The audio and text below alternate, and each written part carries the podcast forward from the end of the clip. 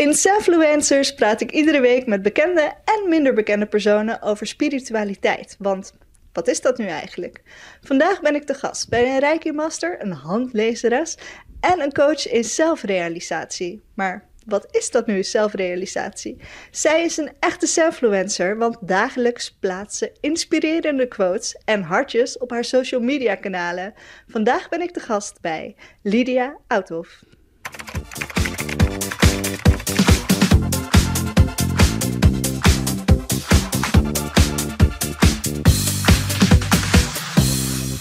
Bedankt dat ik uh, jou mag interviewen. Jij hebt je eigen bewustzijnspraktijk, Awakeness. Ja, Wat dat is dat en waarvoor kunnen mensen hier terecht? Uh, Awakeness is een praktijk voor coaching, reading en healing. En eigenlijk ben ik gewoon altijd bezig met bewustwordings- en groeiprocessen. Dus ja, eigenlijk invoelen, aanvoelen waar iemand staat, met welke intentie of welke vraag iemand komt. Ja, daarbij uh, kan ik helpen via de verschillende tools. Maar kan dat dus van alles zijn? Van ik heb een burn-out totdat uh, tot ik heb liefdesverdriet? Of, uh, Zeker, ja. Nee, fysieke klachten? Alles, ja. Nee, echt. Je kan het, uh, nou ja, zo gek niet bedenken zou ik bijna zeggen. Maar nee, inderdaad, het is gewoon heel breed waarmee mensen komen en kunnen komen. En ja, ik kan ook gewoon altijd in de eerste keer al via een telefoongesprek of inderdaad als mensen voor een behandeling komen of voor een sessie, ja, kan ik eigenlijk al invullen wat ik voor iemand kan betekenen. Dus dat is heel fijn. En heb je het idee dat uh, jongvolwassenen en tieners op dit moment veel voorkomende klachten hebben die hetzelfde zijn? Ja, zeker. Ik, uh, ik merk zeker dat gewoon, ja, natuurlijk heel veel kinderen, en vooral in de puberteit, ja, door de laatste twee jaar de lockdown is gewoon zoveel met hun gebeurd. En ja, eigenlijk is er zoveel in hun juist naar volwassen toe proces eigenlijk gestagneerd, stopgezet.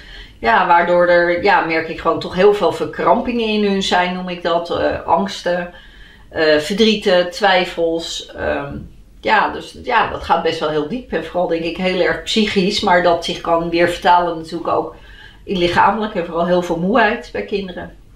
En hoe denk je dan dat uh, jij ze het best kan helpen? Want je doet heel veel. Ja. Je kan tarotkaarten lezen, je kan een hand lezen, je kan voetreflex, je kan reiki. Um, heb je ooit als master gehaald. Uh, je, uh, ik vergeet vast heel veel dingen die je allemaal kan.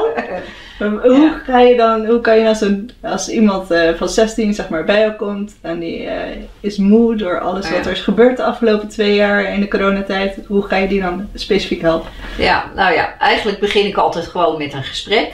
En daaruit komt natuurlijk gewoon. Alles is energie, laat ik het zo beginnen, vanaf begin. Als je alles simpel bekijkt in het leven, alles is energie. Of een ander zal zeggen, alles is liefde, alles is gewaarzijn, alles is bewustzijn. Allemaal woorden voor hetzelfde. Uh, ik kan dus heel erg makkelijk in de energie komen van een ander, die eigenlijk geen ander is. Dus ik kan gewoon heel diep snel connecten en op een level komen, waardoor ik dingen invoel en aanvoel. Ja, en dan komt er al heel snel een ontspanning in iemand. En in die ontspanning komt er een openheid in iemand, waardoor ja, naar buiten komt, naar voren komt, waarvoor diegene komt of wat de grootste hulpvraag is. En wat er nodig is. Ja, en inderdaad wat er nodig is. Want dan voel ik ook van, hé, hey, mag ik je vasthouden? Of ik werk ook met klankschalen, met gongs. Dat zijn transcenderende instrumenten echt, die ook gewoon heel diep kunnen helpen met transformaties, veranderingen. Maar eigenlijk vooral ook aanraking, aanraking met de energie, uh, met de liefde die we zijn, die we in essentie zijn. Ja, als iemand dat weer voelt, weer herkent, dan ontspant iemand. En in ontspanning kan heling plaatsvinden of herkenning. Of ik krijg ja toch inzichten, boodschappen door, adviezen door. Ja, en ja, die reik ik dan aan op dat moment, als dat mag. En merk je ook dat tieners de laatste jaren meer bezig zijn of anders met spiritualiteit? Of ze anders bezig zijn. Ja, ja ik merk wel vooral doordat ik natuurlijk ook zomerkampen draai. Uh, waar ja, meer dan 200, 250 zelfs deelnemers komen in een jaar. Ik merk wel zeker dat er veranderingen plaatsvinden in deelnemers. En ze zijn zich bijvoorbeeld ook de laatste jaar steeds meer bewust geworden. En er veel meer op een andere manier mee bezig dan vroeger met uh, seksualiteit, uh, met gender. Uh, ja, dus da daar merk je dat ze, ja, ze zijn heel erg zoekende. Zoekende wie ben ik, wat ben ik, wat wil ik. En inderdaad veel meer wat wil ik in het leven, waar sta ik in het leven. En als ik terugkijk naar mezelf, had ik dat zeker niet op die leeftijd. Nee, want hoe was jij als tiener? Ik was als uh, tiener gewoon een hele rustig meisje. En ik uh, was gewoon echt gewoon heel erg serieus op school. Alleen maar leren. Uh, ik ging ook niet uit. Ik ben ook in die zin nooit met roken, drugs en drank bezig geweest. Dus ja, ik was heel rustig. In, ja, en als ik dat nu zie, gebeurt er gewoon zoveel. Maar ze krijgen ook veel meer prikkels. En natuurlijk de media, ja, die doet zoveel. En die kan veel positiviteit brengen in het leven van mensen. Maar ja, ik merk ook toch heel veel negativiteit. Of dat ze een beeld krijgen van hoe moet ik zijn. Uh, dan ben ik mooi, dan ben ik goed. Dus het lijkt wel of er steeds meer voor mijn gevoel, steeds meer oordelen ook wel en waardes opkomen. Maar is dat de werkelijke waarde? Is dat waar het om draait in het leven? Ja. En als jij uh, als de vrouw van nu een tip mag geven aan jouzelf als tiener, wat zou dat dan zijn? Wat had je tiener zelf mee willen geven? Um, als ik terugkijk, wel ook meer gewoon mezelf durven zijn in mijn uiting. Omdat ook, ja, ja, dat was toen gewoon heel normaal. Ik werd bijvoorbeeld gekleed gewoon door mijn moeder. En ja, daar werd ik dan ook wel in gepest bijvoorbeeld. Ja, en ik vind het juist heel mooi als, hè, dat is de andere kant, als mensen nu vooral die met hun gender bezig zijn, juist wel heel erg expressief zijn in hoe ze zich kleden of hun haar. Het is natuurlijk de hele andere kant, maar ja, ze, zijn, ze durven wel te uiten. Uh, meisjes van tegenwoordig, pubers, die durven met korte topjes te lopen. Nou, ik zou dat vroeger bij wijze spreken niet bedacht hebben als je maar één vetrolletje hebt. Dus hè, dat is ook gewoon heel mooi. Ja. En uh, hoe zie jij eigenlijk spiritualiteit voor je? Want het is een heel breed begrip. Ja, ja. ja ik zeg als mensen zeggen altijd, uh, die mij ontmoeten vaak, jij bent heel spiritueel. Maar dan denk je, ja, maar wat is spiritualiteit? Dat is voor iedereen iets anders. Dus als je het echt voor mij als Lydia vraagt, is spiritualiteit voor mij eigenlijk al mijn leven lang, als ik terugkijk zelfs. Toen was ik me nog niet bewust als puber. Maar eigenlijk de onvoorwaardelijke liefde willen leven. En echt met leven bedoel ik echt onvoorwaardelijk lief hebben in mijn denken, in mijn doen, in mijn laten, in mijn alles. En als puber kan ik terugzien in dagboeken of als ik mensen kaarten schreef, dat ik altijd heel veel liefde, licht en kracht stuurde. Maar waar ik het over had toen. Maar nu besef ik dat. Dus er is nu veel meer bewustzijn op bewustzijn. Ik denk dat ik dat zo kan. Uh. Dus voor mij is het onvoorwaardelijk liefde leven. Wat zich oneindig verdiept. En ja, daar krijg ik dan de ervaring voor die voor mij kloppen om inderdaad daar helemaal in te zakken en dat te ja, kunnen leven. Ja, en die liefde verspreiden doe je nog steeds dagelijks op social media. Zeker. Want op eh, Facebook en Instagram plaats je iedere dag hartjes. Ja. En uh, je deelt ook allerlei inspirerende quotes. Waarvoor deel je die hartjes? Ja, nou ja, er staat ook een tekst bij van Sending Love to Everyone. En dan, ja, en daar bedoel ik ook echt iedereen mee. Weet je, omdat ik gewoon heel van diep van binnen weet, voel en ervaar dat we allemaal één zijn. Eén in die liefde, één in dat mysterie van het leven. En dat die liefde wil zich oneindig uitdrukken in oneindig veel expressies in vorm.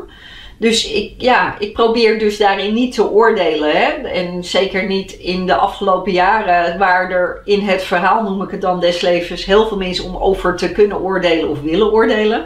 Maar zo wil ik er niet in staan. Want ik weet ook dat ook zij liefde zijn.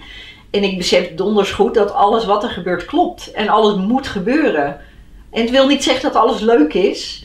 Maar het is wel een les. En zeker ook in mezelf nog steeds alles weer opnieuw altijd omarmen wat er is. Want dat is wat er is en daarom is het er. Denk je dan ook uh, dat, dat er negativiteit nodig is om positiviteit te ervaren? Zeker in het verhaal wel, want dit is een duale wereld. En wat is dat, een duale wereld? Nou, wat ik zei, de liefde, waar zijn we één. Maar zodra er een vorm komt, lijkt er afgescheidenheid. Jij lijkt buiten mij te staan, jij lijkt anders. Dit beeld lijkt anders buiten mij. Maar in wezen, in essentie is dat niet zo. maar zo ervaren wij het wel. Dus ja, in de duale wereld is er goed en kwaad nodig. Want zonder het een zou je het ander niet kunnen ervaren bijvoorbeeld. Mhm.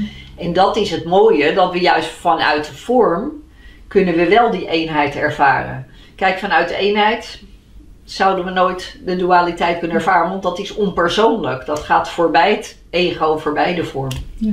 En ik hoorde ook laatst iemand zeggen die zei eigenlijk is emotie, zowel positief als negatief, een reactie op jouw waarheid. Dus iets wat ik vind, daar, uh, ja, dat mhm. gebeurt er wel of niet. En daardoor is mijn emotie positief ja, of niet. Ja, ja, ja want el, elke ervaring wordt. Je kan ook zien dat jouw lijf als het ware een soort uh, filter is, inderdaad. Dus daarin wordt alles gefilterd en gekleurd aan de hand van ervaringen die jij hebt meegemaakt, of misschien vorige levens. Dus ja, dat klopt wat jij zegt. Dus jouw eigen eigenlijk, hè, dus gekleurde waarheid, dat bepaalt hoe jij dingen ervaart in het leven. En hoe je ook de wereld ziet en het leven. Ja, je zegt vorige levens. Hoe weet je dat? Of je die hebt gehad? Ja, dat, dat is gewoon een gevoel. En uh, ja, zelf heb ik ook daar wel eens uh, regressiesessies in gedaan. Ja, en er kwamen er dingen naar voren die ik niet wist. En weet je, eigenlijk, ik ben altijd belang bezig met het nu in dit leven. Maar aan de andere kant, soms merk je dan wel, hé, hey, wat mooi. Het lijkt dat er wel in levens dingen doorgaan en verder gaan. Ja, dat kan je ook zien als een soort lessen, verdiepingsprocessen, tot dat niet meer nodig is en je in wezen helemaal uiteindelijk opgaat in dat wat we zijn, de liefde die we zijn, en er ook geen vorm meer nodig is. Zo voel ik het wel. Dat alles één is. Ja. En uh, jij bent ooit begonnen met Reiki, nu eh, ben je daar je zegt wel eens voorbij, toch? Ja. Zeg ik dat Ja, ja. Uh, je hebt Reiki 1, 2 en 3 gedaan, waardoor je master bent. Is Reiki iets wat je aanraadt aan mensen die net beginnen met spiritualiteit? Zeker, ja, ja. Want Reiki is voor mij zeker de basis waar ik heel dankbaar voor ben. Dat is inderdaad als eerste op mijn pad gekomen. En door geopend te worden voor de universele energie ja, zijn er gewoon dingen in mij gaan stromen. Waardoor eigenlijk toen naar buiten mocht komen. Ja, dat er veel meer in mij zit wat ik mag manifesteren in de wereld. Ja, ja Reiki is eigenlijk een soort energie uh, ja, het is de Ja, het is de universele energie die, zeggen ze, als je aanraakt, elk proces versnelt. En ook al raak je, mag ik je even aanraken? Ja, spreken, als ik je daar aanraak, maar je hebt in je teen pijn, zoals je dat die energie daar naartoe stroomt. Ja. En dat is het mooie. Tijdens Reiki 2 ja, ervaarde ik eigenlijk. Dat is dat je ook op afstand kan sturen. Maar daar ervaarde ik toen ik iemand ging behandelen. Dat mijn handen een eigen leven gingen leiden. Ja, dat heb ik gewoon vertrouwd. Daar heb ik me aan overgegeven. Ja, dus zo zeg ik ook. Mijn handen doen wat ze willen. Maar ik vertrouw er ook op dat er de energie uitkomt die iemand nodig heeft. En of dat nou fysiek niveau is. Of op sociaal, emotioneel. Maakt niet uit. Er gebeurt wat mag gebeuren op dat moment. Heb je op dit moment een boodschap voor iedereen die kijkt? Wat zij nodig zouden kunnen hebben? Een wat zijn nou? universele boodschap. Nou ja, wat ik zou zeggen. Uh, je mag een van de camera's pakken. Mag ik de camera's pakken? Die is. Wat ik wil ik jullie meegeven. Dit vind ik wel een heel directe vraag. Maar voor mij het enige antwoord daarop is. Liefde is echt het antwoord op elke vraag. En ja, alsjeblieft, alsjeblieft. Ik zou zeggen, ga op onderzoek uit keer naar binnen en herinner je weer dat wat je werkelijk bent. Want die liefde die we zijn, als je dat weer herinnert, ja, weet je, dan kan je alles gewoon echt omarmen. En juist dan door aandacht te geven aan die liefde en de liefde die we zijn, groeit alles. Want alles wat je aandacht geeft, groeit. Dus kies er telkens opnieuw voor elke dag om liefde te geven. Hoe moeilijk het ook is of lijkt. Dan een laatste vraag. Oh. Op een schaal van 1 tot 10, hoe zen ben jij? dat verschilt per moment. toch? Maar ik denk toch, als ik mijn gemiddelde inmiddels geef, zoals ik op dit moment in het leven sta, zeker een uh, eh, 9. Dat is een heel mooi getal. Ja. ja. Nou, ik wil iedereen bedanken voor het kijken naar deze aflevering met Lydia Uithof.